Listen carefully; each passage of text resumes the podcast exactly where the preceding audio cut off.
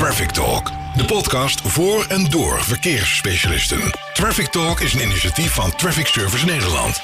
Met als host Samantha van Wijk. Welkom bij Traffic Talk, een podcast voor en door verkeersspecialisten in Nederland. Iedere week hebben we andere gasten. En vandaag hebben we aan tafel Dirkje van der Ven van Wavy en Rob van Baal. En we gaan het hebben over minder hinder, praktijk versus theorie van verkeersmaatregelen. Dirkje, welkom. Zou jij jezelf in het kort even willen voorstellen? Uiteraard. Ik ben Dirkje van der Ven. Ik ben eh, psycholoog in de basis, afgestudeerd op uh, het gebied van gedragsbeïnvloeding. En ik heb, ooit stage gelopen bij, bij Rob. Dus het is een leuke reunie weer. Uh, en daarin heb ik me vooral gericht op hoe kun je nou grote groepen mensen bewegen om de omleiding te nemen in plaats van recht dat werkvak in te fietsen. Het ging in dit geval over fietsers. Um, en na mijn studie ben ik zelf ook een eigen bedrijf begonnen. Dat was eerst Shift, uh, daar heb ik me laten uitkopen. En nu zit ik bij mijn eigen bedrijf Wavy. Uh, en bij Wavy verzorg ik advies, maar ook trainingen, lezingen op het gebied van beïnvloeding. Vooral verkeer en mobiliteit, duurzaamheid, gezondheid eigenlijk alle handen maatschappelijke vraagstukken. Interessant. Rob, jou kennen we natuurlijk al, maar toch nog even kort. Uh, wat doe je precies bij Traffic Service Nederland? Nou, ik ben uh, tendermanager bij Traffic Service Nederland. Uh, mijn achtergrond is verkeerskundige. En als tendermanager zorg ik dat onze klanten het beste bid krijgen vanuit Traffic Service Nederland. En ja, Dirkje heeft net al verteld waar jullie elkaar van kennen. Mm -hmm. um, op wat voor manier werken jullie nu met elkaar samen?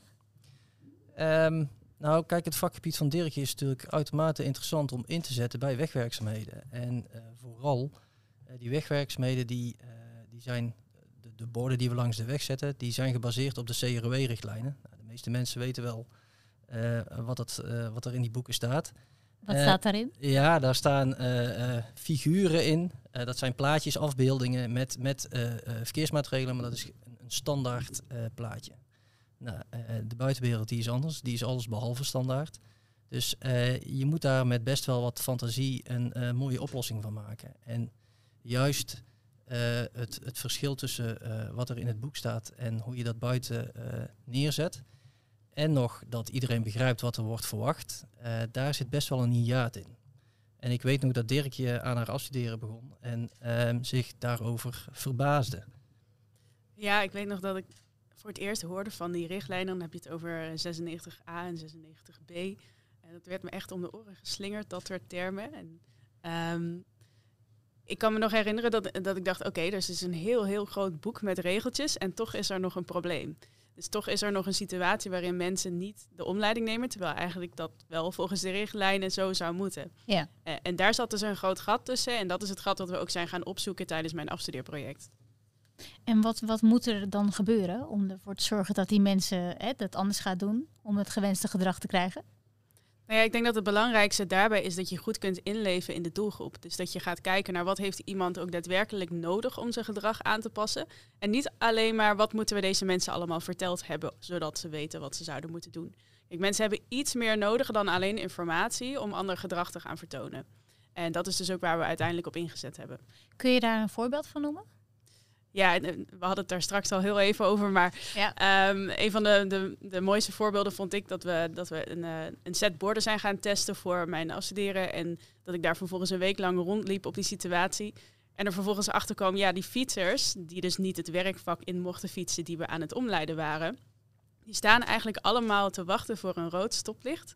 Uh, en, en, en, dat verkeerslicht gaat op een gegeven moment op groen.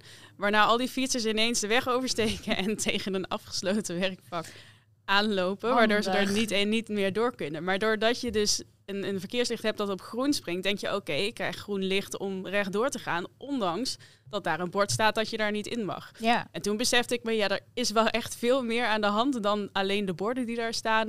Uh, als het gaat om mensen gericht uh, sturen op die omleiding. Ja. Ja, Rob. Ja. Jij bent onlangs bij uh, Minerva geweest. Ja. Wat kun je daarover vertellen? Uh, Minerva is de kunstacademie in Groningen. En uh, wat we daar hebben gevraagd, dat heb ik samen met mijn uh, collega Roberto overigens gedaan. Ehm, wat we aan die studenten hebben gevraagd is om eens na te denken over een concept voor fietsers om te leiden. Ook weer omdat fietsers eh, de lastigste doelgroep is om, ehm, om om te leiden. Om Ja, te is dat zo? ja, fietsers zijn eh, rebels. Of, eh, Oh, Dus hebben veel vrijheid, noemen Ja. we dat dan. ja, rebels. ja, nou ja, ik, ik weet van mezelf, als, als ik aan het fietsen ben, ik neem eh, vaak de kortste route.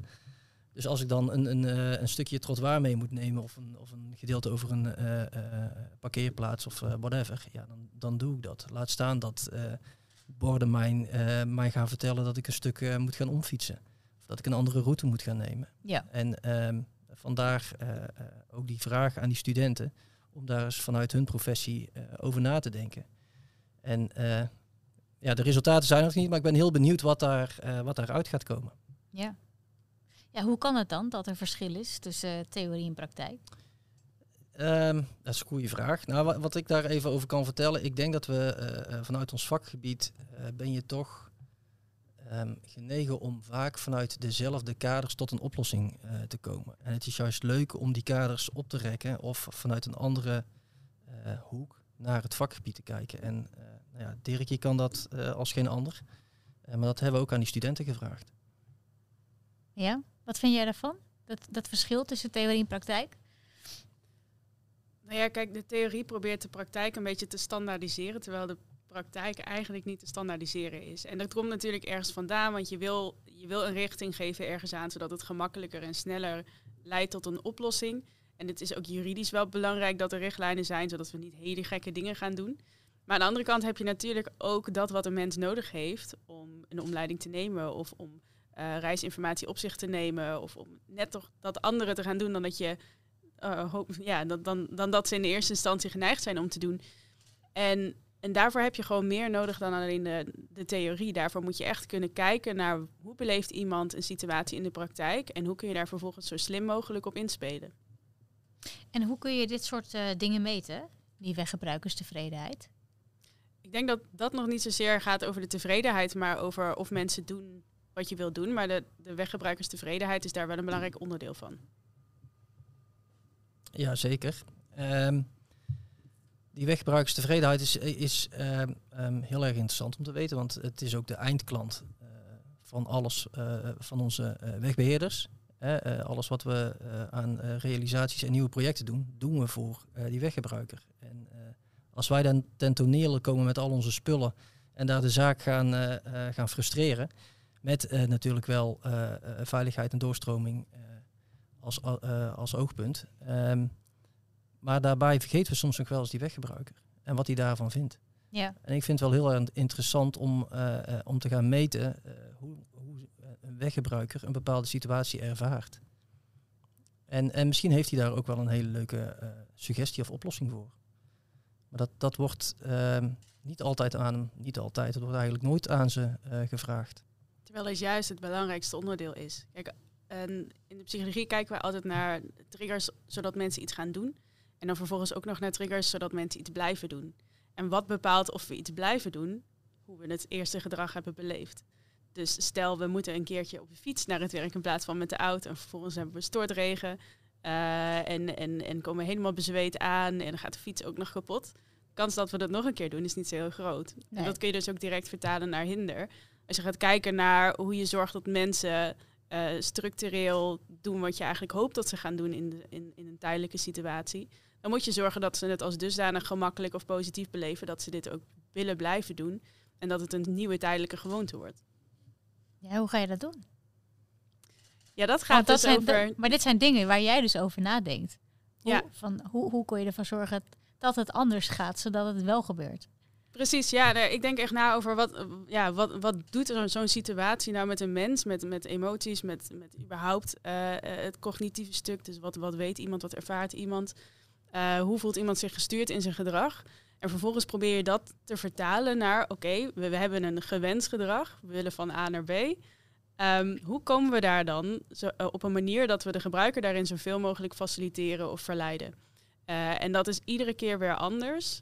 Maar de methode is iedere keer hetzelfde. Het is echt inleven in de doelgroep.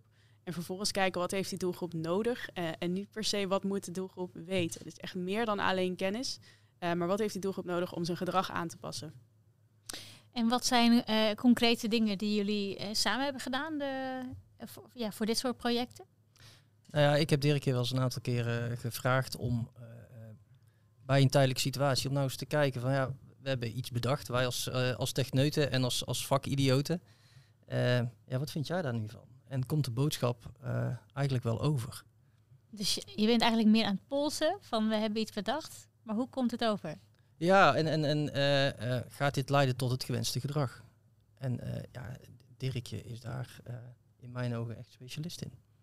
Het is echt mijn rol inderdaad om in de huid van de doelgroep te kruipen. En dan, en ja, wat het, wat het zo interessant maakt, vind ik, is dat het heel vaak niet gaat om bewuste drijfveren, maar juist om dat wat eronder ligt. Dus echt wat meer onbewuste drijfveren voor bepaald gedrag.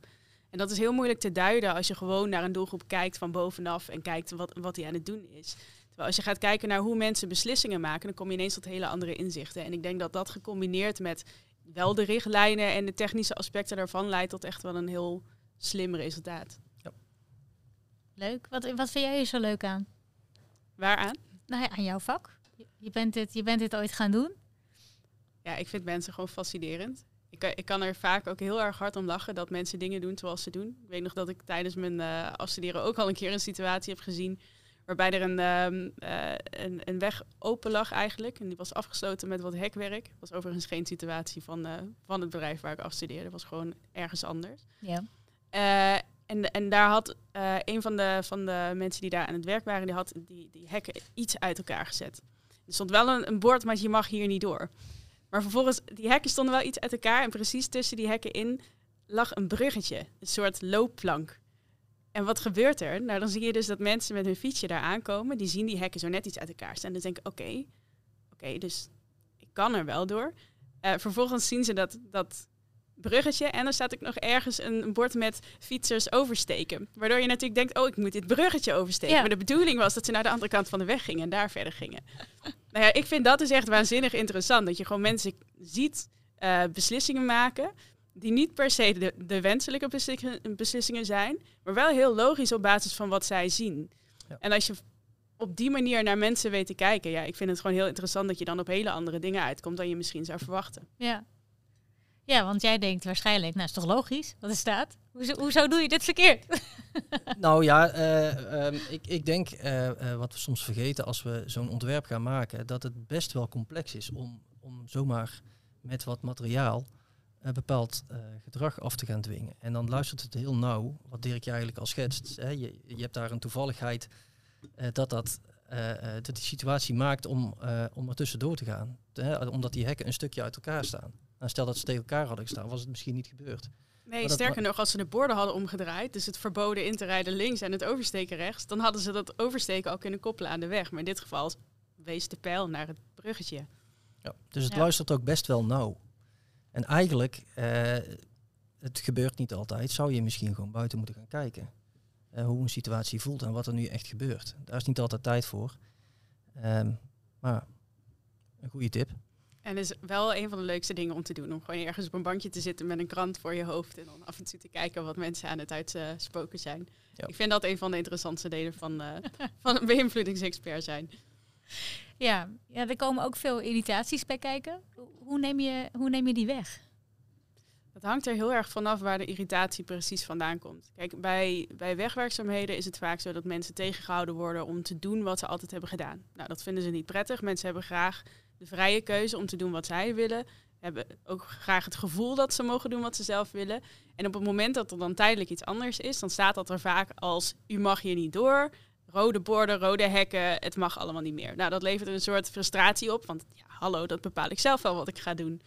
En dan uh, loont het om mensen mee te nemen in een proces. Dus te kijken naar hoe kun je ze vooraf al de verwachtingen managen, maar hoe kun je ze ook terwijl uh, de, de wegwerkzaamheden spelen, toch een gevoel van controle, een gevoel van autonomie en keuze geven. Het gaat om erkennen dat het vervelend is. Dus niet zeggen, het is nu eenmaal zo, u hebt zich uh, hier maar aan te houden, want dit zijn de regels. Kun jij niet in de maar... politiek gaan? nou, ik wil ze best adviseren, maar... nee, ja, het, het, is bijna wel een politiek spelletje inderdaad, hoe je met mensen omgaat. Maar aan de andere kant is dat ook gewoon hoe ik denk dat je ernaar moet kijken. beïnvloeding klinkt ook vaak heel erg sturend. Uh, maar in feite gaat, uh, zeker bij maatschappelijke vraagstukken, gaat het gewoon om hoe kunnen we mensen zo goed mogelijk begeleiden? Hoe kunnen we het zo prettig mogelijk maken? Zorgen dat die beleving goed is. Want dat is eigenlijk waar het om draait. Dat het voor Ja. die gebruiker prettig is. En dat we daarmee nou, een aantal maatschappelijke doelen halen, zoals minder hinder of duurzaamheidsdoelstellingen. Dat, dat heeft dan ook allemaal mee te maken. Maar je Ja. stelt dan dus echt de gebruiker centraal. Mooi. Helemaal mee eens. Ja. Ja, Zijn er verder nog eh, eh, punten die jullie kunnen benoemen met betrekking tot het onderwerp minder hinder, praktijk versus theorie van de verkeersmaatregelen? ik ben even hard op aan het denken. Heb jij nog punten, Dirkje? Nou, ik heb mijn drie concrete tips opgeschreven. Nou, vertel maar. Wat zijn jouw drie concrete tips op het gebied van minder hinder in de mobiliteitsbranche? Nou ja, bij far bovenaan, maar dat roep ik tegen iedereen. Dus het is echt een open deur, het spijt me. Eh, leef je in in de doelgroep. Dus ga inderdaad staan waar de doelgroep staat. Ga rijden waar de doelgroep rijdt. En ga kijken wat je ervaart, los van de kennis die je hebt over de technische aspecten, over de maatregelen, over de richtlijnen. Ga eventjes los daarvan en ga puur kijken. Nou, stel dat ik helemaal niet zou weten, eigenlijk ook misschien niet zou kunnen. Wat ervaar ik dan? En hoe, wat doet dat met me? En wat heb ik nodig om dat te doen wat ze verwachten dat ik ga doen? Eh, en dan kom je er. En dan vervolgens nog eentje is echt houd rekening met die weerstand. Dus neem irritatie weg, maar neem de juiste irritatie weg en op de juiste manier. Dus wees begripvol eh, en zorg dat je er rekening mee houdt dat dingen leiden tot irritatie en probeer te doorgronden waarom dat zo is. Want dan weet je ook veel beter hoe je ermee om moet gaan. En de laatste is, zet ook echt in op de beleving van de gebruiker. Dus ga inderdaad kijken, wat doet zoiets met iemand? Eh, en, en wat kun je daarvan leren om het de volgende keer nog beter te doen? Of wat kun je daarvan leren om het aan te passen? Eh, en hoe kun je die beleving zo maken dat mensen het niet als hinder ervaren, of minder als hinder ervaren in dit geval natuurlijk. Eh, en dat de kans groter is dat ze zich blijven houden aan wat jij voor ze hebt uitgestippeld. Duidelijk, helder verhaal. Ja, bedankt voor jullie komst. En we hebben nog iets. Alsjeblieft. Hey, wat tof. Je mag hem uithalen. Het is een, eh, ja, een- wat is het? Een, een glazen Iets voor op de schoorsteen. ja. het, eh, het gaat over deze podcast. hey, wat tof, dankjewel. Die gaat, eh, die gaat inderdaad op de schoorsteen. Ja, bij mij gaat hij op de piano als het iets belangrijks is. Dus daar komt Oh hij ja? zeker Oh, te nou, staan. kijk. Ja. Ja. Wat staat er allemaal op die piano? Eh, vaak kaartjes die ik van mensen heb gekregen. Of eh, soms fotolijstjes. Eh, een plantje. Oh, ik denk, nu komt er een hele reeks met eh, trofeeën. Nee, ik, ik, ik heb er eentje die is dus voor mijn afstudering geweest. En die staat op mijn kasten. Die heb ik vaak als achtergrond als ik, eh, als ik Zoom-meetings doe. Oké, ja, ja, de- in zo'n tijdperk leven we nu, hè? Ja, precies. Oké, ja, dit, eh, dit was het dan voor, de, voor deze aflevering. Bedankt voor jullie komst. Jullie bedankt voor het luisteren. En volgende week dan schuift Wouter Lindenberg van DPI aan Traffic Talk. Abonneer op onze podcast en blijf op de hoogte van de nieuwste afleveringen.